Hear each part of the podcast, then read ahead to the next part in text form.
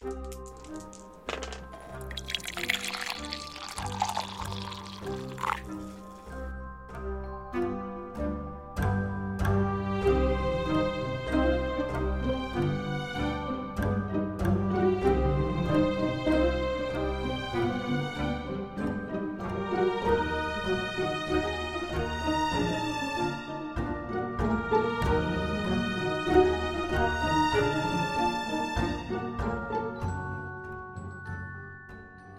Hej och idag ska det handla om att omsätta scenarioidéer till spel.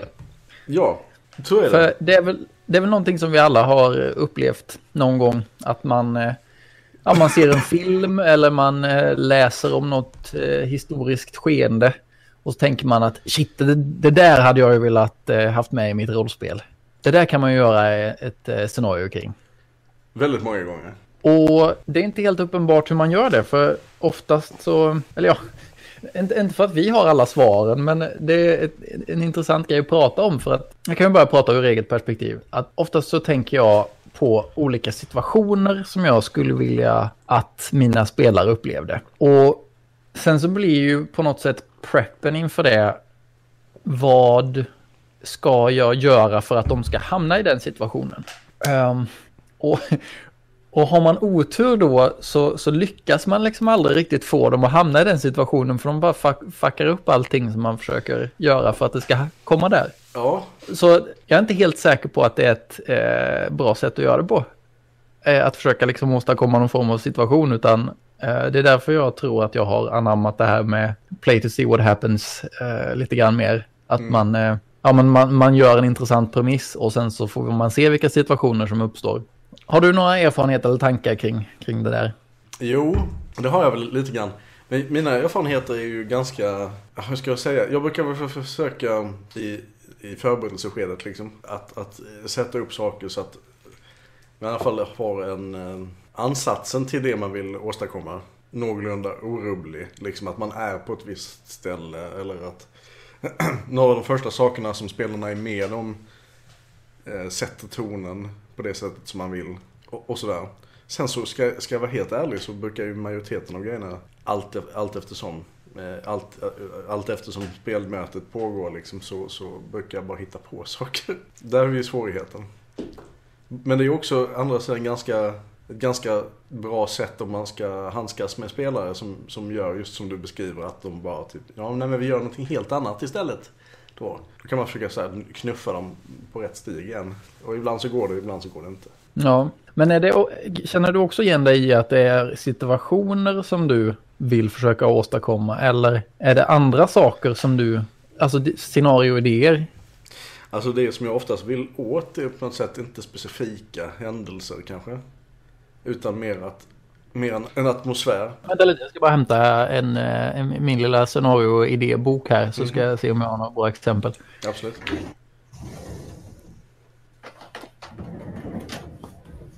För det som jag själv, eh, det som jag själv eh, tänker att jag, ja, eller det som jag får idéer kring, det kan ju vara allting från situationer till koncept eller element kanske man ska kalla det i berättelsen. Mm. Alltså man kommer på ett karaktärskoncept eller något föremål.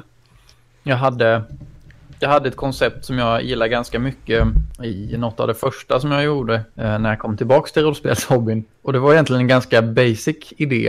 Eh, det, var, det var i alla fall att man hade vapen som, som eh, som skimrade i alla regnbågens färger. Och att de då var smidda på ett speciellt ställe nere i någon typ vulkan där det bodde eh, dvärgar och sådär. Och sådana grejer kan jag, kan jag komma, komma på.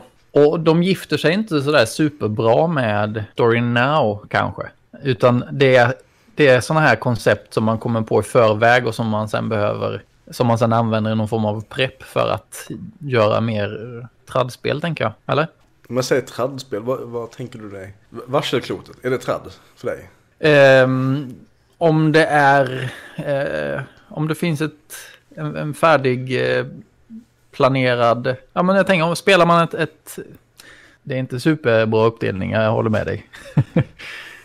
men, uh, Tradd i min, så som jag pratar om det, det är att man har en spelledare som är ansvarig för spelledandet och som ansvarar för världen runt omkring. Men säger så istället då, att du har ett spelledarlätt Mm. spel. Ja. Där spelledare, där, där spelarna spelar karaktärer och spelledaren har hand om alla andra karaktärer och världen och så vidare. Det är ju nu en väldigt bred definition av tradd, men okej. Vi, kan, vi kan använda oss Ja, men vi- skit, skit i tradd då, men alltså det, det är det jag menar nu. ja. Jo, jo. Jag, jag, men, jag menar att du som spelare har, eller spelledare har något form av ansvar för att preppa en värld eller en situation. Ja. Eh, Och sen ifall du väljer att dra dig ur röven under tiden som vi spelar eller om du preppar någonting långt i förväg.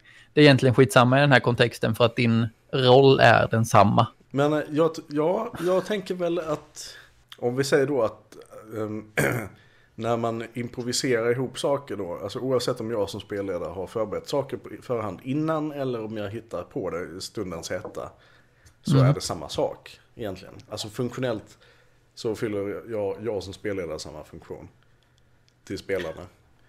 Ja, precis. För de vet inte Skillnaden, skillnaden är ju den att du har möjlighet att preppa. Ja, Medan man i eh, spelledarlösa spel inte har möjlighet att preppa i samma utsträckning. Eh, det finns säkert någon form av spel där man har möjlighet att preppa. Men jag tror att i de flesta fall av, av spelledarlösa spel så har man inte möjlighet att preppa. Ja, men okej. Om vi pratar då om eh, spelledar, eh, spelledarledda spel. ja. Där man har möjlighet att preppa. När man har den rollen som man sitter och tänker på sånt här under tiden som man tittar på en film eller vad det nu är. Jag tänker van, vanliga spelare kanske inte riktigt gör, gör det i samma utsträckning. Till, till, till, eh, vi kan ta några exempel här från min lilla bok här. Då har jag, till exempel här då så har jag läst en, en eh, sån här gammal eh, folksaga som heter Prinsessan i jordkulan. Som är en ganska, en ganska hemsk berättelse med många coola koncept. Men det är i alla fall, grundpremissen där är väl att eh, det är på väg att bli krig och kungens mest eh, värdefulla ägodel är hans dotter som eh, inte ska få komma eh, fienderna i händerna. Hans lösning på detta är att han bygger en liten, eh, en liten underjordisk bostad till henne där hon får tillsammans med en, eh, en tjänare och en ko och en tupp tror jag det. Eh, där stoppar han ner eh, dem och så gräver han igen den, det hålet och det är ingen förutom han och några enskilda andra eh, i hovet som vet om det här. Och eh, ja, tanken är ju då att de ska ha den här kon för att kunna mjölka och tuppen den ska ju kunna gala då eh, när det blir morgon för att man ska veta hur dygnet går som någon form av klocka. Men eh, och så sen så får hon ju med sig en massa, en massa mat också ner där. Då. Och sen så drar kriget över, kungen och alla som känner till det här gömstället dödas och eh, hon är där nere med sin tjänare och eh, de här djuren då. Och det går ett år och det går två år och det går tre år. Och sen så börjar det bli lite skralt med mat.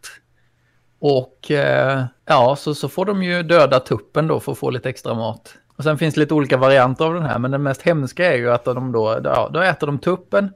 Och sen så börjar de bli hungriga igen, ja, och så dödar de kon och så äter de upp den. Så klarar de sig ett litet tag till. Och sen säger tjänarinnan att, eller tjänaren då att nu börjar det bli eh, så pass illa så att nu måste du döda mig och äta mig. Eh, och sen så tror jag hon tar livet av sig eller något sånt där. Och sen så är prinsessan där nere själv då.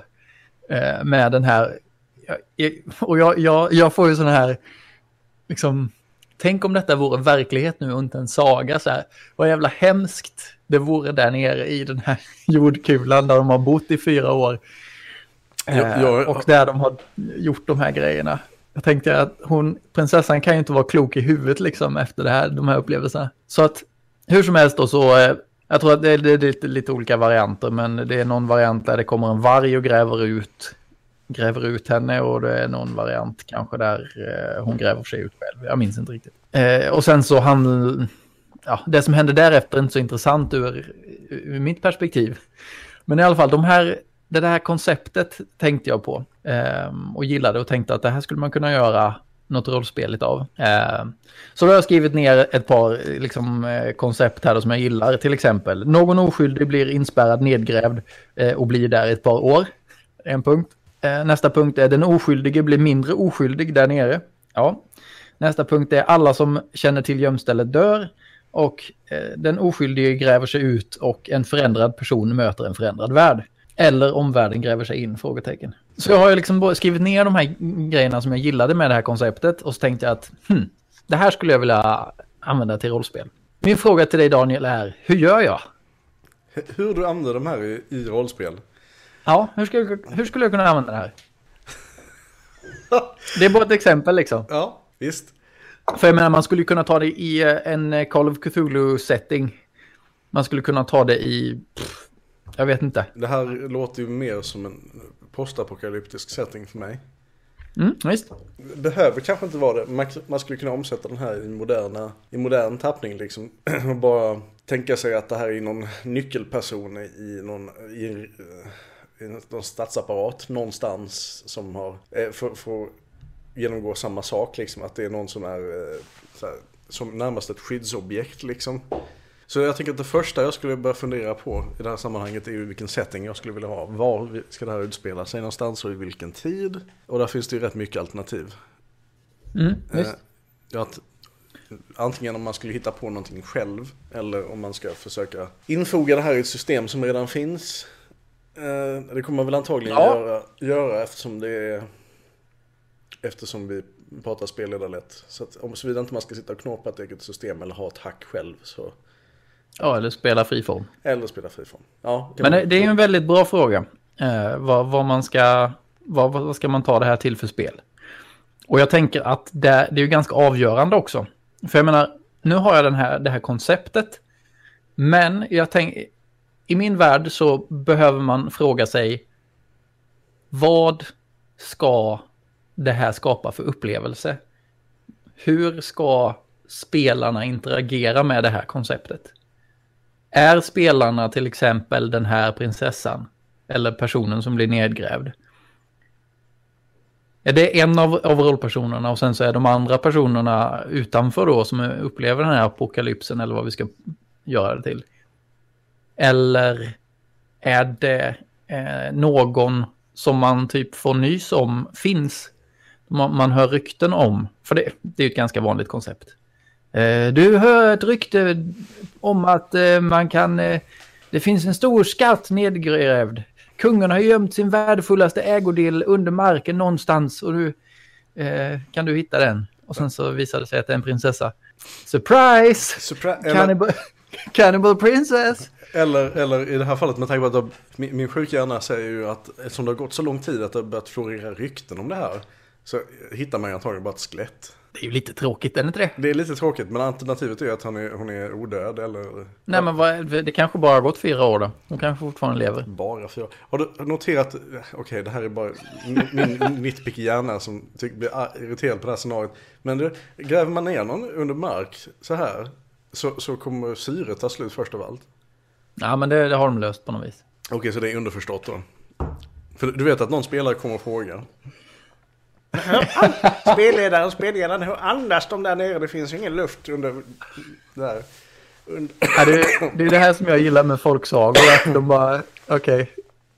Tänk inte på det nu. Tänk Nej. inte på det nu. Det här är intressant i sig själv. Du behöver inte tänka på alla de här logiska luckorna. Oroa dig inte, oroa dig inte över det. Nej men eller hur. Det, jag är med på att jag, jag, tycker det, man skulle gärna vilja fånga in vanmakten så att säga som upp, kan uppstå där nere liksom. Du menar att man som spelare ska uppleva det? Alltså det är det som jag tycker är mest intressant från mitt perspektiv. När jag ja. hör dig beskriva det. Samtidigt så är det lite svårt. Det, det är någonting om man, om man spelar friform exempelvis. Med en person ja. så hade det funkat jättebra. Eh, ja, eller, eller, ja, eller, eller, två personer för man skulle ju kunna ha en som är tjäna, tjänaren också ett tag. Ja, och en är kon och en är tuppen. Ja, jag bara skojar. Skulle man kunna göra. Eller är det bara all in their heads? Ja, det vet man ju inte i så fall. Men... Nej. Sen så tänk, finns det ju andra sätt att göra det.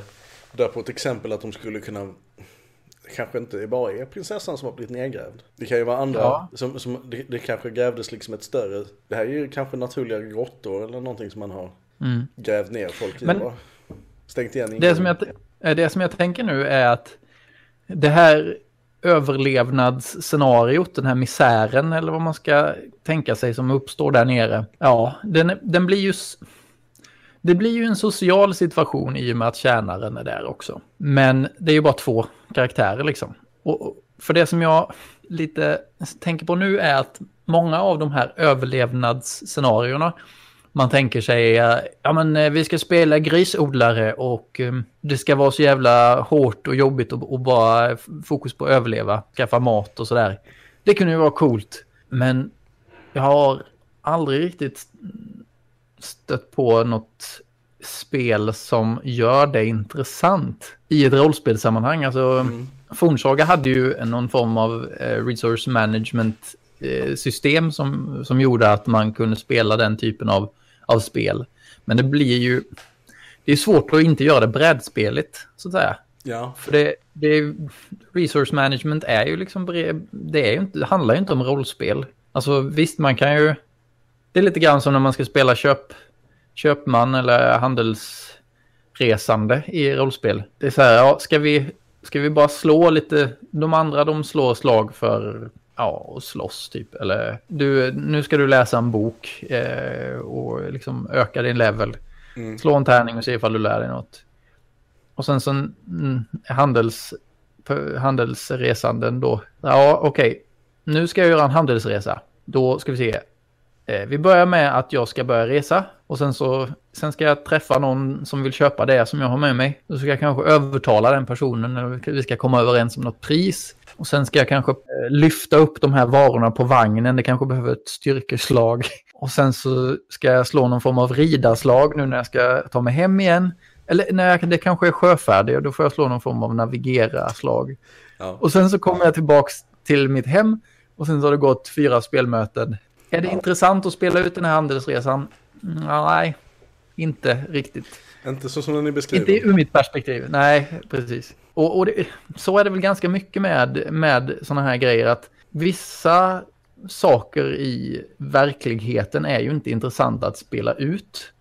De kan ju vara säkert roliga. Alltså det kan finnas taktiskt intressanta val som man kan göra. Men då blir det mer åt brädspelshållet. Och oftast så upplever jag att man vill bara slå ett slag. Och så, ja okej, det här blir utfallet av din handelsresa. Du har varit borta i ett, ja, en säsong. Nu kommer du tillbaks. Jag är med dig i det avseendet att det känns ju som det här är kanske ett koncept som ett koncept som funkar för en till två spelare. Ja, eller det kan ju vara ett koncept som inte funkar för rollspel alls. Ja, fast det, det är ju inte... Det är kanske är bättre som bara en berättelse eller som en short story. Ja, fast det funkar ju som ett en till två spelare, det har vi konstaterat.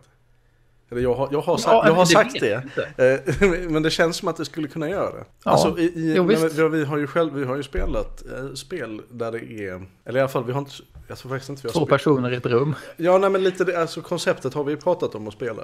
Alltså att det- det bara är två i improv-sammanhang liksom. Och det skulle man antagligen kunna friforma också. Ja, Men då måste man ha något sätt att mäta tiden gärna på i spel för att det ska annars. Men, men det, det, jag tror inte att det är omöjligt att, att det skulle fungera. Sen skulle omöjligt är väl kanske Man, nej, nej, nej. ett dumt ord. Men Jag, jag tror rent av det skulle kunna bli ganska bra men jag funderar lite grann på, Ja. för det, det, det kommer till en punkt där någonting måste hända för att handlingen ska, det ska på, ske någonting ju. Man kan inte, ja, man kan ju rulla, hålla på liksom hela tiden men någon form av, jag vet inte, signal till, vad ska vi kalla det för, bangs. Kan vi säga? Det måste ske, Ja. det måste ske no, någonting i handlingen för att bara vara under jorden i sig är inte så himla intressant. Och det finns ju begränsningar i hur mycket, mycket drama du kan skapa mellan två pers och sen lite boskap. en liksom. ko och en tupp. Ja. Ja, liksom att eh, för, förr eller senare så kommer eh, argumenten eller dramatiken som utspelar sig mellan de två karaktärerna vara ganska uttjatad. Givet att de inte kan röra sig någonstans och att det inte finns så mycket att göra egentligen.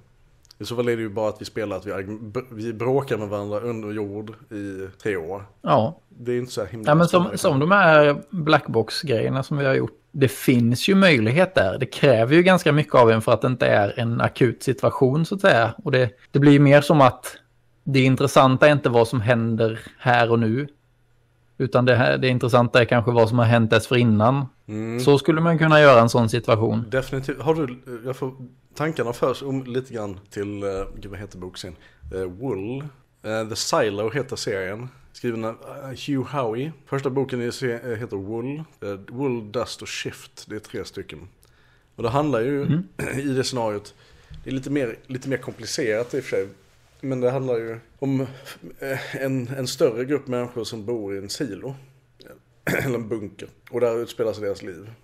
I princip. Mm.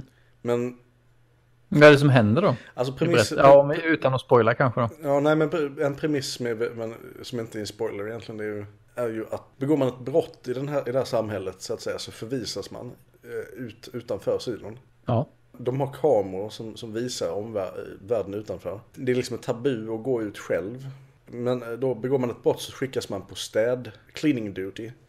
Att eh, liksom så här polera linserna på de här kamerorna som visar yttervärlden.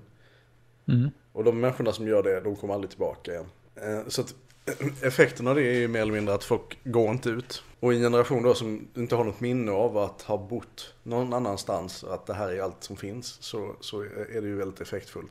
Mm. Och där, där utspelar sig allting i en liten, i ett slutet system liksom. Där är ju, finns ju fördelen andra sidan att det finns ganska mycket andra människor. Det finns liksom fraktioner, Ja. det finns, det finns, eh, det är en rätt stor silo. Ja, jag får ju lite sådana här Metro 2033-vibbar. Det är lite samma grej. Att folk har vuxit upp där och eh, det är bara det som de vet. Men, men, men fortfarande, jag, jag förstår inte riktigt vad, vad händer där nere? Alltså är det, är det interpersonella draman Det är det. som boken handlar om? Det är ju eh, lite politik kan man väl säga. Ja, precis. Men sen så är det ju, är det ju en eller två personer som man får följa. Jag ska inte berätta mer för jag vill inte spoila boken på... eh, Men Nej. det, det, det är några som är avvikare kan man väl säga. Som man följer. Mm. Okej. Alla accepterar liksom inte bara att läget är som det är. Utan vissa Nej. vill ha mer. Men jag tänker mig som så här. Det finns ju, det finns ju olika saker som rollspel kan handla om. Det kan handla om väldigt mycket olika grejer egentligen. Men jag tycker mig ändå ha identifierat tre stycken mm, återkommande troper eller vad man ska säga. Mm. Eh, som då är mysterium, drama och äventyr.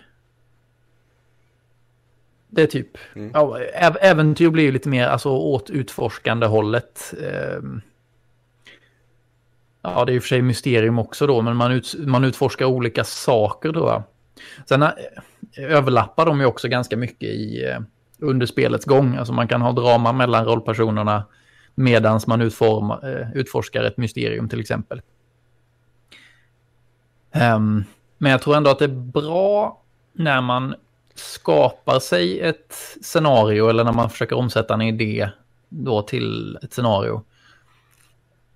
Att veta vad är det för typ av spelupplevelse? Är det ett mysterium? Ska de, är det meningen att de ska ta reda på vad som har hänt på den här platsen? Eller är det mer ett äventyr att de ska försöka ta sig från A till B? och Utföra någon form av uppdrag?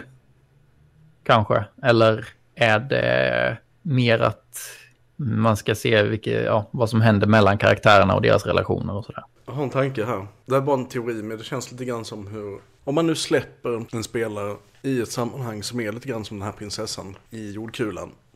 Mm.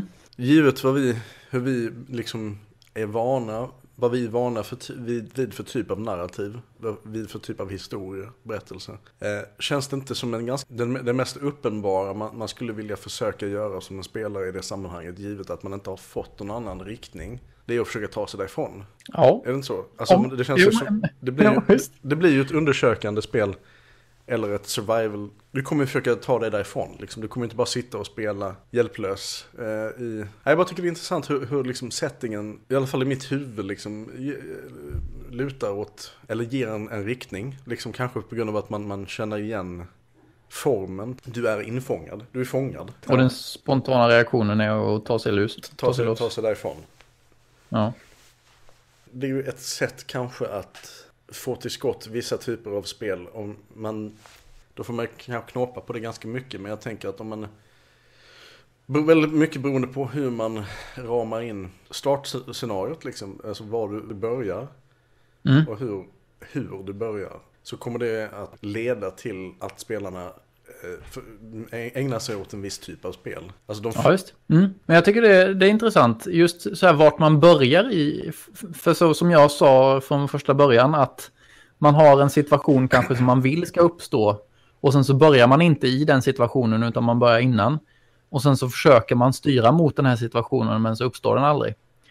Uh, och det kan ju vara ett, ett symptom av att man har börjat för långt bort ifrån den situationen som man tycker är som mest intressant. Jag tror att det är lite grann som när man, när man skriver, liksom, i princip att det, Mm. det spelledaren beskriver först av allt, det som tar, tar mest plats när en spel, spelledaren beskriver scenariot Mm. i det, vid första spelmötet. Det kommer liksom att sätta tonen eh, för vad spelarna sen vill göra. Eller kommer känna sig manade att göra. Så att om du tänker exempelvis i det här prinsessscenariot då. Vad är det i, vad, vad är liksom metanarrativet? Vad, eller vad är, om vi nu skippar den här specifika berättelsen menar jag. Och bara titta på vad är det för, vad är det för mekanismer i den berättelsen? Vad är det för tråper? Som, Du menar att man försöker liksom skala av detaljerna? ja precis, och sen så har du ju en kärna. Fångenskap. Fångenskap. Isol- Eh, isolering. Ja, och jag tänker att en annan viktig grej är att det sker förändring i isolationen och samhället och att sen så ska de återförenas. Och så ser man vad som uppstår där. Isolering, Det tycker från, jag är intressant. från, isolering från ett större samhälle kan man ju säga i så fall. Ja, jo men precis, men det är ju just det här att de är samma samhälle från början. Och sen så splittras de åt och sen förändras de på olika håll. Och sen ska de förenas och så ser man vad som händer där. För det kan ju mycket väl vara så att, säg att det nu är en postapokalyptisk setting. Eh, prinsessan blir kannibal nere i, i eh, sin jordkula. Och folk ute, uppe på ytan blir också kannibaler. Eh, och sen så gräver hon sig ut och sen så, ja men då, då har samma förändring skett på de här platserna. Men det kan ju vara ganska intressant ifall det inte är så att förändringen har varit likadan. För när de sen förenas så blir det ju en större konflikt som jag kan tycka är intressant. Ja, men eh, hur som helst. Att ta de här koncepten och försöka liksom skala av dem och göra dem så bare bones som möjligt. Kan väl vara en, ett bra angreppssätt ifall man vill omsätta en idé. Ja, Att lägga fokus, att lägga fokus på rätt grejer. Men det som jag, det som jag kommer att tänka på är ju att mm, när man skapar rollpersoner och sånt i början ehm, på första eh, spelmötet så finns det ju en stor risk där att spelet och karaktärsskapandet lägger så pass mycket fokus på andra grejer än det som du har planerat. Mm. Så att man som spelare står inför, liksom, ja, nu har jag, ja men det uppstod ju när vi spelade ehm, ur varselklotet. Jag hade ju jättemycket personliga trådar till, ehm, ja men det var, fasen jag kommer inte riktigt ihåg vad det var nu, men eh, det var ju några så här dryga eh, ungar på det här kollot eh, som jag ville sätta åt. Och det var, ja, jag hade en massa personliga sådana här egenheter, att jag skulle visa mig på styva linan och att jag hade sån bara, ja, grejer i min backstory helt enkelt ja som jag ville lyfta upp och liksom se vad de får för konsekvens. Men samtidigt hade vi det här äventyret och eh, rätt vad det var när jag, när jag egentligen kanske hade velat gått och haft ett snack med min tränare så var alla vuxna borta på kollot liksom. Så det, jag tror att när man väljer spel till sitt scenario så måste man tänka på vad finns det som spelet också lägger fokus på som kanske jag inte har i åtanke med mitt skapande. Jag tror att vill man göra ett scenario som är ganska specifikt, alltså, ja men säg att man ska ta vuxenattraktion, det här eh, scenariot till varselklotet. Ska man spela det så bör man kanske ha det ganska mycket i åtanke när man gör karaktärsskapandet för att det inte ska bli superspretigt. Ja, jag vet inte. Alltså, för, ja. Nej, Okej, det, det, det är säkert så. Jag har ju jag har förkärlek för det ganska riktade spelandet där man antingen har pilarna inåt eller så har man pilarna utåt. Det ska finnas ett fokus, det ska finnas en gemensam uppfattning om vad det är för typ av spelande som är det viktiga. För som, du, som vi nu pratar om i jordkulan, är det mest intressant med själva dramat som uppstår mellan karaktärerna och deras relationer? Eller är det mysteriet. Eh, ja, i det fallet kanske det inte finns något mysterium. Men jag menar, är det äventyret, är det liksom att ta sig ut ur den här jävla jordkulan som är det viktiga när vi spelar? För att har alla spelare inte samma bild så blir det gärna spretigt i min värld. Och lite ofokuserat. Så, ja, därav den här kommentaren. Ett annat sätt att beskriva eh, det här eh, bristande fokuset är att kalla det för mångsidigt. Usch! Nej, det menar jag alltså inte. Men...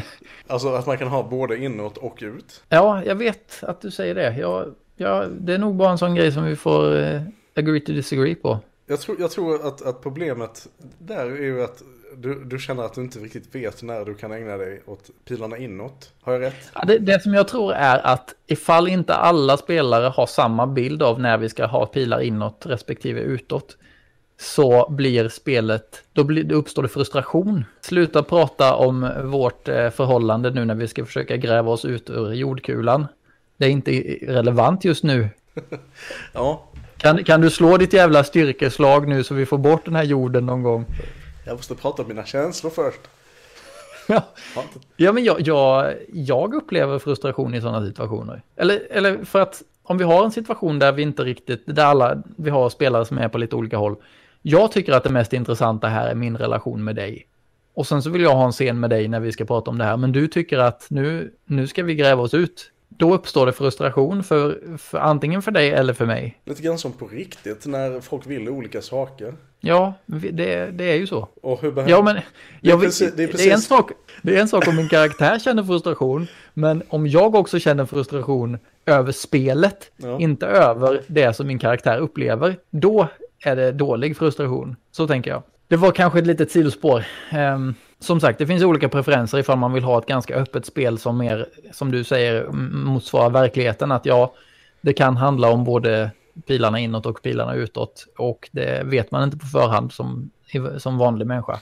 Ska... Nej, det gör man inte. Nej, jag tänker att eh, det vi har sagt, konstaterat hittills på något sätt är ju att ett, ett, ett sätt att, att omsätta en, en, idé till spel, om man då har en specifik idé som man vill att spelarna ska upp, uppleva, det är ju att ja, i ett första prep-läge liksom så får man ju tänka väldigt mycket på att skala ner konceptet man har haft eh, till sina beståndsdelar. Eh, så att man fångar upp vad det är som man egentligen är ute efter. så, så blir det ju ofta när man, man, man får en vibb, man får en känsla att ja, det här skulle jag vilja att mina spelare är med om. Men där finns det ju oftast, i alla fall när jag ser det framför mig, så är det ju oftast eh, beläget på ett särskilt ställe. Det är kanske mycket fluff kring som egentligen inte är relevant. Som kan snarare göra det svårare för mig att förmedla det jag vill till mina spelare. Lite så. Som att få ta sig en funderare. Ja, gjorde nog så ganska mycket när vi, när vi spelade då i början. Eh, när jag hade en massa idéer nedskrivna.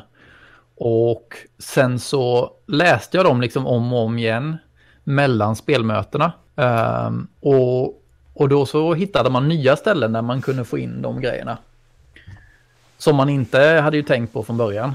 Mm. Men ifall, ifall man som du säger skriver ganska enkla koncept, basala sådana, att eh, någon blir instängd mot sin vilja eller någon blir instängd av fri vilja för all del. Ja visst, det kan ju vara prinsessan som, eh, som tvingar sin far att gräva ner henne. Ja, skitsamma. Då kan man i alla fall hitta nya ställen där man kan få in de koncepten på som blir mer naturliga. Eh, så att jag, eh, på, det håller jag med om. Men en sak som, eh, om vi ska driva vidare, Absolut. En sak som vi inte har kommit till som jag skulle vilja prata om, det är mer hur man preppar. Vad preppar man? Vad? Man har en idé som man ser på, man ser på tv, eh, ser någonting coolt och tänker att det vill jag använda mig av. Okej, okay, jag börjar med att skriva ner det i min anteckningsbok. Det här eh, konceptet är typ, eh, ja, nu kommer jag inte på några bra exempel, men vi säger att vi gräver ner eh, sin dotter i jorden. Bra, då har vi skrivit ner det. Nu kommer nästa steg. Vad, vad, vad, ska jag göra? Säg att jag inte har något, något pågående spel. Alltså, vad... Hur, hur preppar jag inför det här scenariot?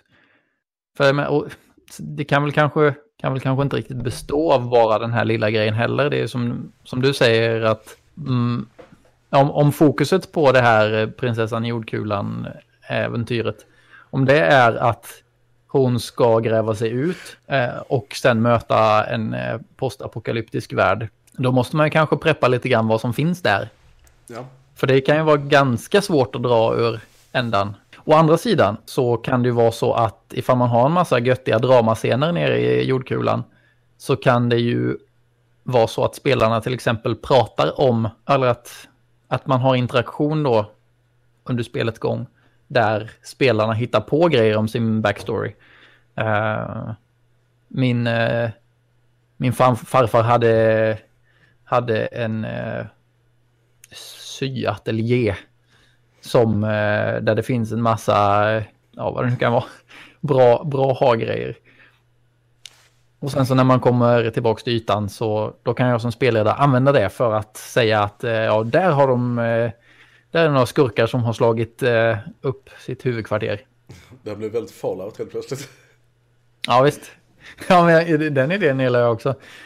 Uh, men ja, hur som helst. Uh, det kan ju uppstå grejer, uh, komma fram, skapas stoff under spelets gång som man som spelledare kan använda sig av. Och det är jag ju en stark förespråkare för. Men ifall det inte gör det så kan det ju vara bra att ha lite backup genom att ha tänkt på det här sen innan. Eller om man vill att det ska vara ett väldigt riktat spel, säg att premissen inte är Alltså det, det huvudsakliga konceptet är inte det här med att liksom möta en förändrad värld. Det, det, vi kanske hoppar fram tills dess att prinsessan gräver sig fram. Och sen så handlar det om någon form av maktspel mellan de nya rådande makterna. Liksom. Det jag vill komma till är vad preppar jag? Gör, gör jag? Det finns ju ett par liksom vedertagna koncept. Ett, vi ritar en karta. Ja, här ligger prinsessan nedgrävd. Här är kungens slott. Hmm, här är det kanske ett berg. Hmm, jag undrar vad som finns bakom berget. Där kanske det finns ett grannland med en annan kung. Hmm, jag undrar hur de relationerna ser ut. Så kan man göra. Det som jag, jag kommer bara på att tänka på en grej nu. Att ja. Det är det som jag hatar som mest med böcker. Ja. När vi har väldigt detaljerade platsbeskrivningar som leder till att man som läsare kanske inte får ihop hur fan det hänger, hänger samman. Hej tolken. Ja, nu passerar ni, nu går ni alltså österut och sen så säger du att solen går upp på deras vänstra sida. Går den upp i norr då? Nej, nu förstår jag inte. Vad då är de inte på väg västerut? Och sen så sitter man i en kvart och funderar på hur fan den här beskrivningen skulle kunna hänga ihop. Som tur är så har man en spelledare som man kan fråga i rollspel. Men ja, eh, det är sånt som jag tycker kanske spelar mindre, mindre roll. Och som jag inte vill lägga så mycket fokus på. Um, en karta är ett bra hjälpmedel. Likväl i böcker som i rollspel. Om inget annat så för själva berättaren. Ja, som du tänker att det ger dig som spelledare inspiration. Inspiration ger, ger även mig som berättare inlevelse, förhoppningsvis. Om det inte är en jätte, jättedålig karta. Ja, men jag tänker inspiration som i vad du ska säga. Mm, ja. Man får, någonting ja. Att hänga, man får någonting att hänga upp berättelsen. Sin beskrivning. Sin beskrivning ja. och, och, och, liksom, eh, jag vet inte, det blir liksom lättare och när man börjar etablera relationer mellan platser liksom, så, så är det, det är på något sätt enklare att förklara hur saker och ting förhåller sig, tycker jag i alla fall. Mm. Ja, men det kan jag absolut hänga med på. Det, det är ganska fantasieggande att börja rita en karta. Men det som... Ja. Bara för att tugga vidare lite grann på det. Man får ju liksom en vibb av, alltså inte bara sakers geografiska position liksom, utan även saker och ting tenderar att ligga, särskilt när det gäller mäns alltså mänskliga samhällen eh, och olika platser liksom som är, har sett mänsklig hand på ett sätt eller annat så finns det ju liksom en, en, en anledning till varför de ligger där de ligger också. Den här granngården ligger nära den här åkern, den ligger nära den här floden för att där kan man driva ett vattenhjul och det beror på hur detaljerad man vill bli, men det, men det finns ju, det finns ju för, förklaringar till att saker ligger där de ligger. Och när man börjar tänka i de banorna så är det, är det också, tycker jag i alla fall, lite enklare att börja tänka liksom vad, vad ett samhälle handlar om. Och vad folket ja. där pysslar med. Och, alltså jag brukar ju sig aldrig beskriva samhällen i så stor detalj. Som, som... Hur, hur, många invånare, hur många Nej, hus? aldrig, aldrig, aldrig. Men ja. Ja, för du beskrev ju att du började med en karta. Ja, när vi har pratat om det här innan. Ja, just det. Du börjar med en karta när vi skulle göra det här varselklotet, tjofräset. Yes. Och det var ju lite annorlunda i och med att det var baserat på någonting som jag skrivit tidigare. Ja, Där var det i och för sig väldigt hjälpsamt för jag hade ju inte allting utplacerat. nej visst. Alltså vissa, vissa grejer så kände ni ju, så frågade jag, har jag för mig att jag frågade er, ja men var ligger detta? Och så fick ni placera ut det på kartan, more or less. Ja, visst. Och sen stal jag det. och sen så var det fiktionen. Ja, men det är väl inte en dum idé. Nej, det är Eh, inte Att ha en, en dynamisk karta. Så det, det, det, det är ju en typ av prep man kan göra. Förlåt, jag gick Ja. för mycket detalj på det. Men vad, vad, vad finns det mer då liksom? Okej, du kan beskriva geografin. Du kan, du kan beskriva samhällena, du kan beskriva festen, whatever, som finns på kartan. I hur mycket Ja. detalj du än vill egentligen. Ja, och jag menar, du kan ju också, om vi, om vi nu översätter det här till någon form av eh, supertraddig eller OSR-variant, alltså säg att du har en hex, hexagonkarta eh, där du placerar ut allting, då är det ju väldigt specifikt var saker och ting ligger och hur långt det är emellan och, och eh, ja, men vad det är för terräng i de olika hexagonerna och eh, vad det finns, det kanske finns eh, så här vandrande monster som, som rör sig i, i vissa häxar och så man slår slumptabeller på. Alltså där finns det ju mycket sånt man kan preppa och det är ju ganska, ganska rolig prepp tror jag att många tycker. Jag kan, jag kan också tycka att det är, är, är kul att att sitta och klura ut, så, ja men går de in i den här hexagonen eh, så då slår jag på den här tabellen och så ser jag vad det blir för, eh, ifall det blir någon monster som är där eller ifall det är något annat. Och sen kan det ju vara att, som du sa, att när man kommer till ett, till ett fäste eller man kommer till en grotta, då har man förberett hur den grottan ser ut också och gjort en karta där med. Det här är en, en, en bra sorts prepp för vissa spelstilar, men man ska ju inte kanske ta det som universell prepp. För att säga att du spelar någonting mer i nutid, så bara ja, då ska vi rita en stadskarta här då hur New York ser ut i min sån här pseudo eh, eh, nutidsvärld. Då får vi se, då ska vi ha någon form av gator och så kanske några hus där mm, Ja, det och så blir det världens, världens största projekt. Eh, så på så sätt så är ju eh, fantasyvärldar lite mer hanterbara för att du kan rita ut vartenda jävla hus och så kan du specificera vem som bor i vilket hus och vad som finns där. Ehm, men det, det som jag skulle vilja komma till och som jag själv har fått ganska stor eh, förkärlek till är ju fisktankar som jag tycker lämpar sig bättre då för mer så här oöverskådliga eh, platser. Alltså typ New York. Alltså, säg att du spelar i nutid och så har du någon, visst de kanske bor på ett ställe men de är ju inte i sitt hem jämt. De rör sig ju runt i staden precis som du.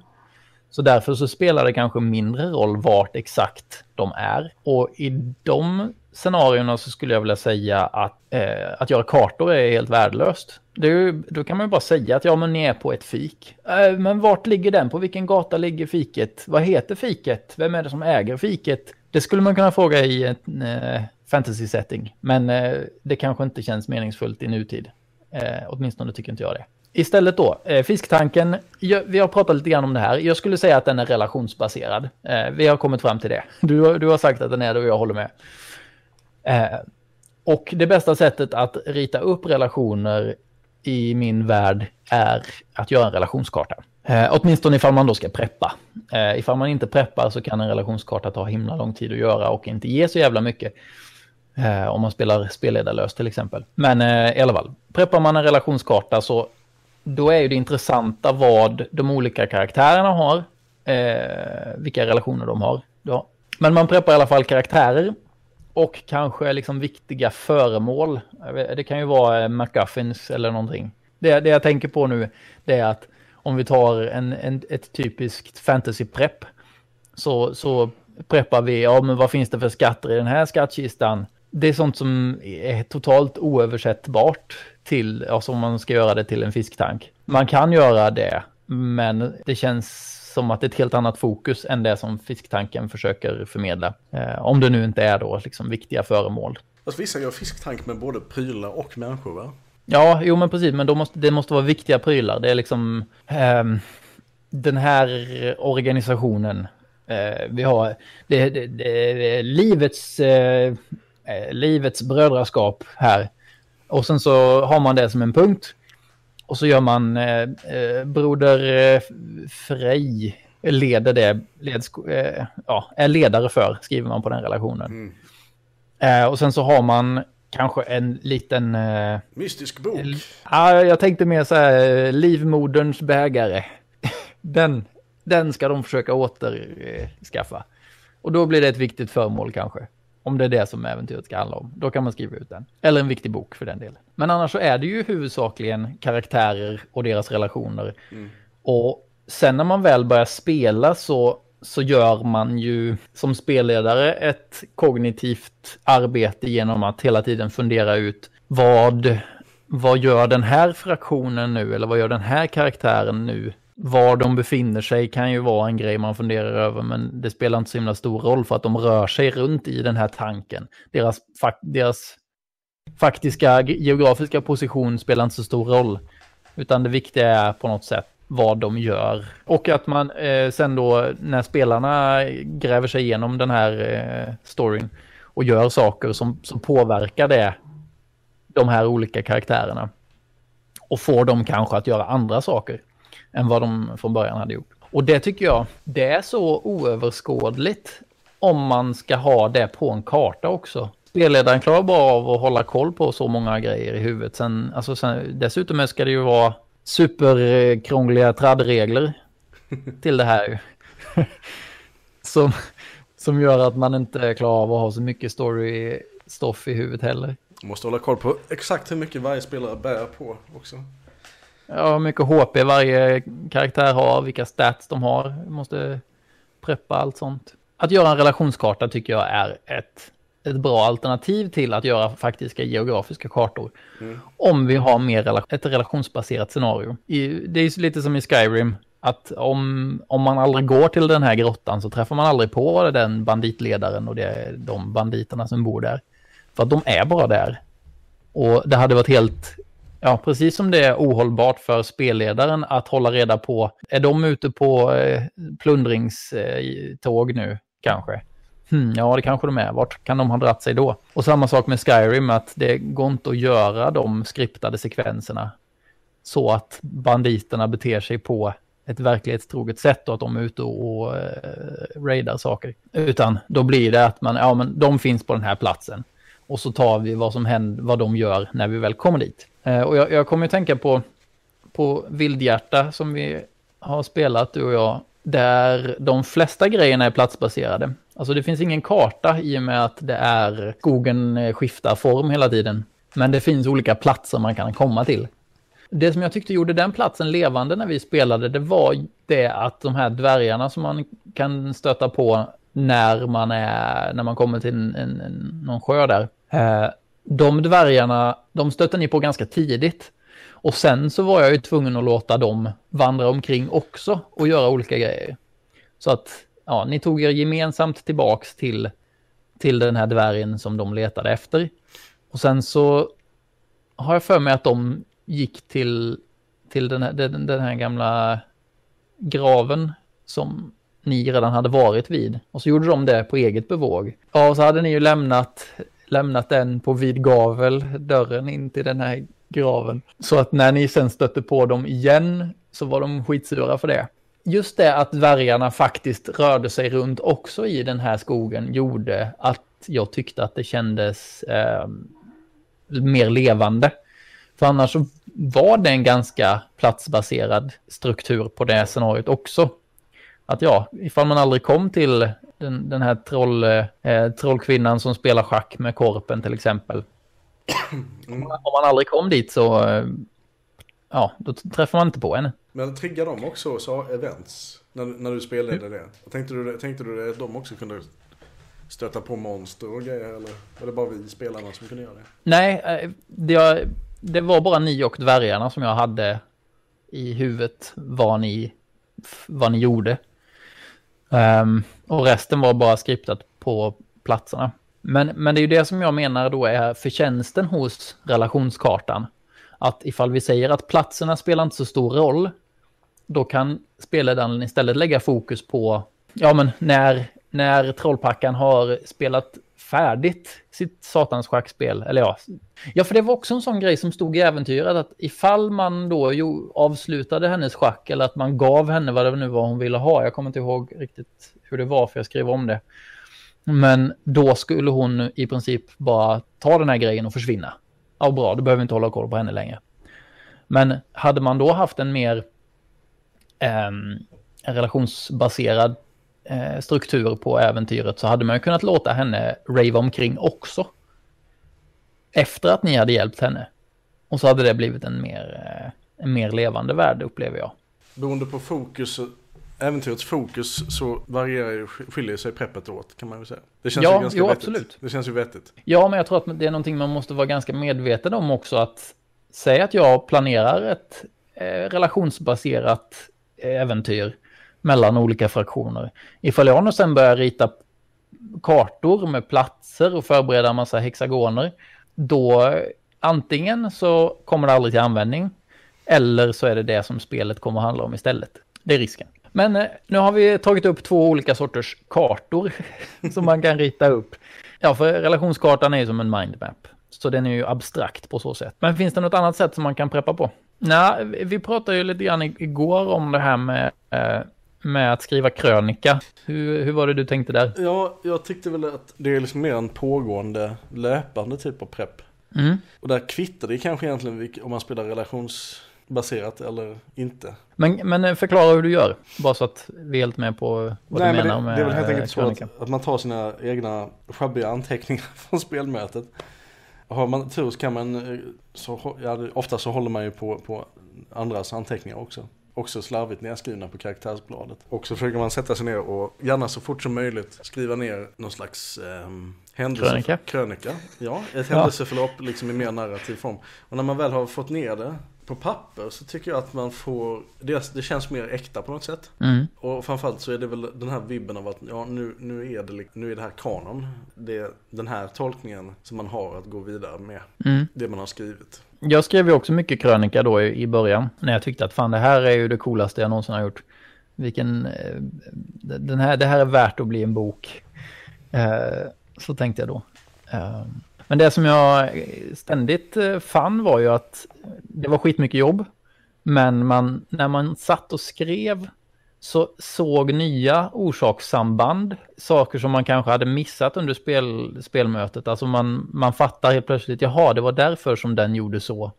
För att det hände där precis framför, det tänkte jag inte på. Men man fick ju också nya sådana här frön till händelser som skulle kunna hända i framtiden.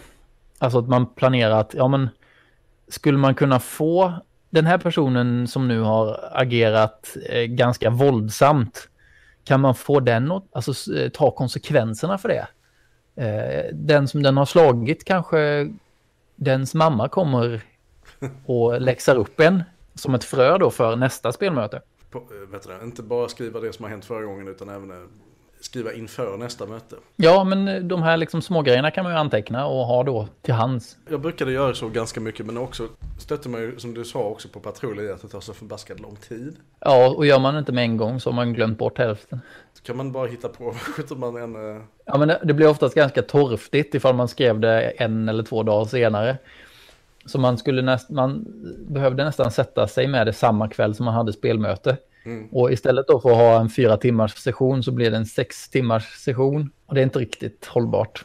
Så jag måste, måste säga att det är en av de grejerna som jag försöker jobba med i min indie-speldesign. Att få, att, att hitta olika eh, strukturer eller ja, typ rollformulär och, och beståndsdelar som man kan använda istället för krönikor. Alltså att man genom att titta då på hur min relation har förändrats till dig så kan jag se vad som har hänt. Ja just det, det, det var då när jag blev förbannad på dig för det här. Ja just det, för nu har vi den här relationen istället för den som var innan. Man får någon slags historik.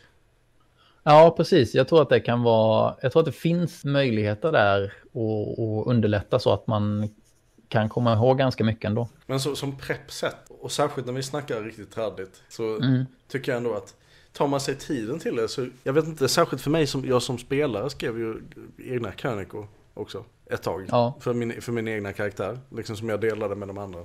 jag tyckte det var ganska intressant för man fick liksom ett väldigt mycket mer koncentrerat perspektiv på vad ens karaktär tänkte och, och alltså varför man gjorde saker under spelmötet. Ja. Och jag märkte det när för vi var Detta, när vi spelade Drakar och Demoner vid något tillfälle så hade jag, skrev jag löpande sådana här, um, vi hade sl- slängt upp en Wordpress tror jag det var, där vi kunde lägga upp våra egna krönikor från våra egna karaktärers perspektiv då.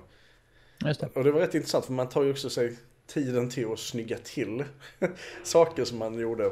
Men, men Man skriver om historien lite. Ja, men det blir, det. det. blir, det blir lite så på något sätt. Liksom, saker som man kanske inte menade, hade så mycket baktanke bakom egentligen. Ja, just det. Men samtidigt så, så det, det blir lite grann som att man lär sig sin egen karaktär på ett helt annat sätt när man gör så, tycker jag. Eh, Jag kommer att tänka på nu eh, Amos eh, spel Slaying Dragons Mm. med den här krönikamekaniken att man, man skriver ner, jag kommer inte riktigt ihåg hur det är nu för det var så länge sedan jag spelade, men eh, där är i alla fall grejen att man får skriva hur mycket krönika man vill, typ som en dagbok. Och sen så har man det, alltså varje spelare har sin egen dagbok och så får man inte reda på vad de andra skriver. Eh, Det tycker jag är en jävligt intressant grej. Om man bara cementerar sina tolkningar av de andra karaktärerna. Och Mm. Har man tid och ork att göra det så är det ju jättebra.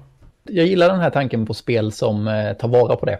Eh, och som gör det till en del av mekaniken. Eller att man helt enkelt kommer överens i början av spelet att man ska göra så. Man ska ju också hylla de spelare som, som skriver krönikor. För det är, det är en sån jävla insats och det ger så mycket. Ja visst. Så att har man, är man en lycklig spelledare som, eh, om man har tur och har en sådan spelare så ska man ju verkligen uppmuntra det. Jag, jag gjorde ju en sån här fuling så jag gav ut XP för, ja men när man typ fyllde i doodlen i tid så att vi kunde hitta nya spelmöten och sånt där. Eh, det var, ja, det, det finns delade meningar kring det där, men det var ändå rätt eh, effektivt. Vi hade en, ja det var Fredrik, eh, han var ju himla dålig på att fylla i sina doodles. Men när man la in ett litet incitament så gick det betydligt bättre faktiskt. Så att, eh, ja det viktigaste är att man hittar tid att spela på. För att jag tycker att alla medel är tillåtna. Men jag funderar på om eh, vi eh, bör runda av där. Nej, men Så- känner du att vi har vänt på alla stenar och sådär nu? Alltså det finns ju säkerligen väldigt många fler metoder att gå tillväga. Men jag känner väl att av de spelarna, eller spelledarna jag har känt som, de jag känner som lägger, lägger krut på att preppa och tycker att det är liksom en förutsättning för spel. Så brukar de också Mm. preppa absurt mycket. Och jag, jag, Ja. jag var ju en av dem, i, alltså när, vi, när jag började spelleda. Eh, Ja. Men sen så har jag ju mer eller mindre gått till någon slags motsatt extrem där jag inte preppar alls. Nästan. Men jag, jag känner lite grann att det beror på hur mycket, alltså för jag, jag gjorde också så då när jag, när jag spelade mycket tradd och hade, ja, man hade längre kampanjer liksom på gång med, med återkommande spelgrupper. Så började jag ju preppa en backstory med liksom någon form av mysterium eller sådär som, som skulle, med lite olika händelser som jag tänkte skulle hända. Men sen allt eftersom historien gick och de började bli färdiga med det mysteriet så bildades det ju nytt stoff som jag kunde spinna vidare på inför ett spelmöte så behövde man ju egentligen bara sätta sig ner och fundera på vad finns det eh, för spelarna att spela på. Ja, det är väl den, de- den ja. typen av prepp egentligen som man ger mest tid nu. Ja, men precis, för att mm, mm, det jag menar är att man kan ju då se att ja, men den här karaktären har den här personliga grejen som den håller på att utforskar. Eh, det finns fortfarande den här frågeställningen om vad, eh, ja, vad de här grannarna i norr, eh, vad de egentligen är ute efter. Men det är liksom mer överhängande. Den här karaktären har det och den här och det. Och den här karaktären, den har egentligen bara det här överhängande Hmm, den kanske behöver någonting. Och så kunde man göra liksom en, en riktad insats på att skapa stoff för en karaktär som var eh, mindre eh, central. Istället för att man då ska behöva preppa för alla. Så då kan man eh, fundera på det innan spelmötet och så gör man en, mer, en mindre insats men mer riktad. Så att alla har någonting att spela på. Och sen så drar man ju det mesta ur ändan ändå i slutändan. Jag hörde någon säga att, att i improvisation så ska det vara en stor grej också. Att man, alltså under spelmötet och då man gör som du säger att man preppar fokuserat. Att man tar saker som spelarna har sagt och sen så blåser man upp dem. Gör dem mycket, mycket större. Har de sagt att ja det här är en grej som jag har varit nyfiken på. Eller, eller att karaktären har sagt det men att, att ja, jag skulle verkligen vilja göra detta. Eller, Ja, okej. För det är, jag tänker att det är ju det man jobbar med lite grann och också det som jag nog egentligen menar när jag säger att de har saker att spela på. Man får ju en massa olika flaggor. Har man ett bra spelsystem så, så finns det mycket flaggor på rollformuläret. Men det finns ju också flaggor i vad spelarna har gjort sedan tidigare. Alltså ifall de kaxar som fan i någon eh, social situation så ser man att ja, men de vill spela på det. Och då ska jag liksom försöka skapa situationer där det ställs på sin spets. Det är väl Ehm. också en pryl som man kan göra, som jag, jag tänker på att man, alltså i, i in lieu av faktiskt preppande, alltså att man sitter, sätter sig ner och skriver en massa.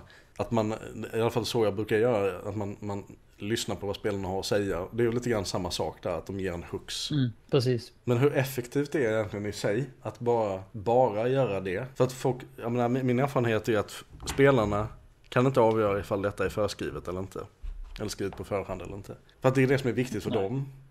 Ja, men man kan ju göra saker och ting vä- väldigt eh, uppenbart genom att typ säga... Ja men, så här, ja, men om de säger att eh, nu har jag en, eh, en farbror som bor här i närheten. Ja, din farbror han kommer Ja, nu. ja, har du en farbror?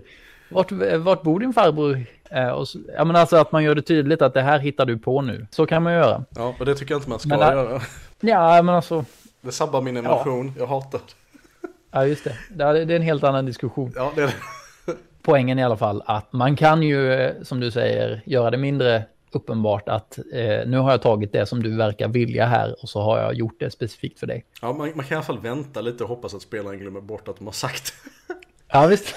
man, får, man får ta till knep lite för att, de ska, för att det ska kännas naturligt. Ja, men pre- precis. Men eh, det är ju också sånt. På samma sätt som man skriver små anteckningar när man skriver sin krönika och så bara, oh, det här hade man kunnat utsätta den personen för. Så kan man göra samma sak för eh, sånt som de säger under spelets gång. Eh, man skriver ner att eh, den sa så här, det ska den få äta upp. Men eh, om vi ska avrunda dagens avsnitt, vad, vad har vi att säga om eh, som någon form av avslutande ord om prep? Det finns massor med olika sätt att göra prep på. Mer eller mindre komplicerade. Men just det här att man får tänka lite grann på med skillnaden mellan, ja till exempel relationsbaserat spel och, vad ska jag kalla, vad vad är motsatsen? Platsbaserat. Platsbaserat spel. Inte relationsbaserat spel. Nej, alltså det blir ju på något sätt att platser och relationer finns ju i alla. Men frågan är vad det är som är det viktiga. Preppen man gör påverkar ju lite grann fokus på eh, det som man sen upplever då. Men Ja, fundera på vad det är för situationer som ni vill att spelarna ska uppleva. Och också hur det är tänkt att de ska interagera med samma, med, med de här eh, de här situationerna som du vill ska uppstå. För om vi har den här prinsessan i jordkulan situationen och så tänker man inte på hur ska jag interagera med det här så kanske det slutar med att det inte finns något sätt att interagera på. Eller att det finns ett väldigt uppenbart, det finns bara ett sätt att interagera på det. Ja, men hon måste ju ta sig ut, hon måste ju överleva. Okej, då kanske inte det är så spännande. Kanske det ska finnas, kanske vi måste bredda situationen lite, lite grann för att det ska finnas någon form av val. Det är ju en väldigt central del i rollspel, val. Ja, just det. Många gånger så när man förbereder äventyr så, så sätter man ju spelarna i en situation där du har tänkt på att här finns åtminstone tre, tre olika val att välja på. Och sen så har du inte tänkt på att det kanske finns ett fjärde. Och sen när de väljer det fjärde så blir re- reaktionen att eh, eh, nej men eh, det den dörren är igenbommad. Eh, jag, vet- jag, vet- att jag sa att det fanns en dörr där innan som var upplåst men eh, Det är den inte. nej den har rostat igen nu under natten faktiskt. Så att det, ni får välja någon av de andra istället. Ja. Ja. Nej, men ett, ett extremfall. Den typen av situationer finns ju. Så att ett råd tror jag är att inte förbereda val. Eh, alltså inte förbereda specifikt vilka val som rollpersonerna har att välja mellan. För det är någonting som jag tror händer ganska undermedvetet. Det blir lite choose your own adventure-stuket på det. Så sitter man där med, med sina förutbestämda val som man har planerat i otroligt detalj.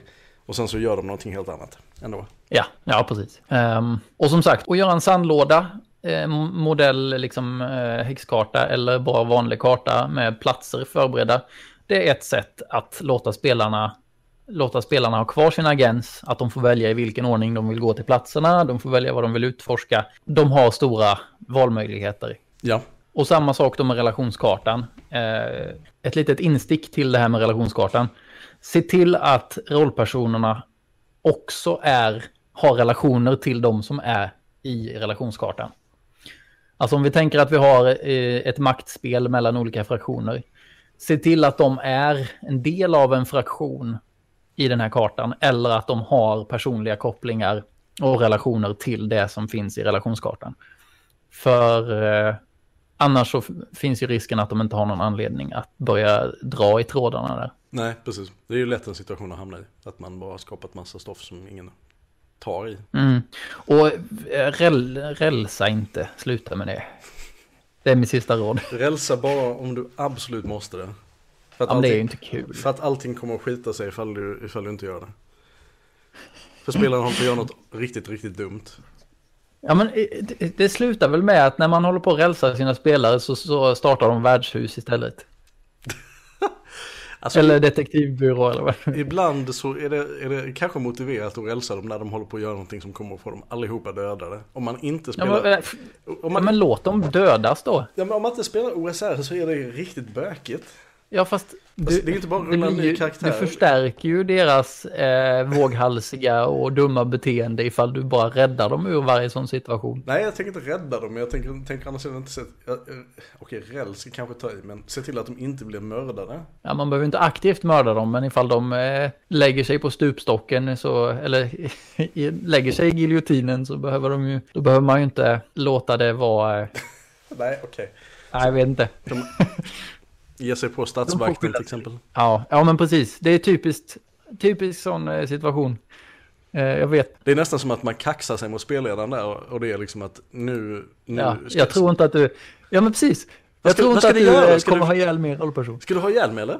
Jag tänkte Ja. väl inte det. Nej, Nej. det borde man egentligen ha gjort. Du har ju gjort sådär jättemycket prep och den, den måste du ju kasta nu ifall du bara dör. Det vill du väl inte? Men du, det straffade sig i slutändan. Till slut, eh, till slut fick jag faktiskt nog. Så Ja. det blev bra. Det här är ett sidospår. Men, eh, Ja. eh, med det sagt så tror jag att vi rundar väl av där. Ja, det är Det- bra samtal. Jag tycker, ja, ja, Ja, det känns bra. ja bra. Vi får eh, tacka alla, tacka lyssnarna som vanligt. Och med det så tackar vi så mycket för att ni har lyssnat. Och vi säger hej till nästa gång.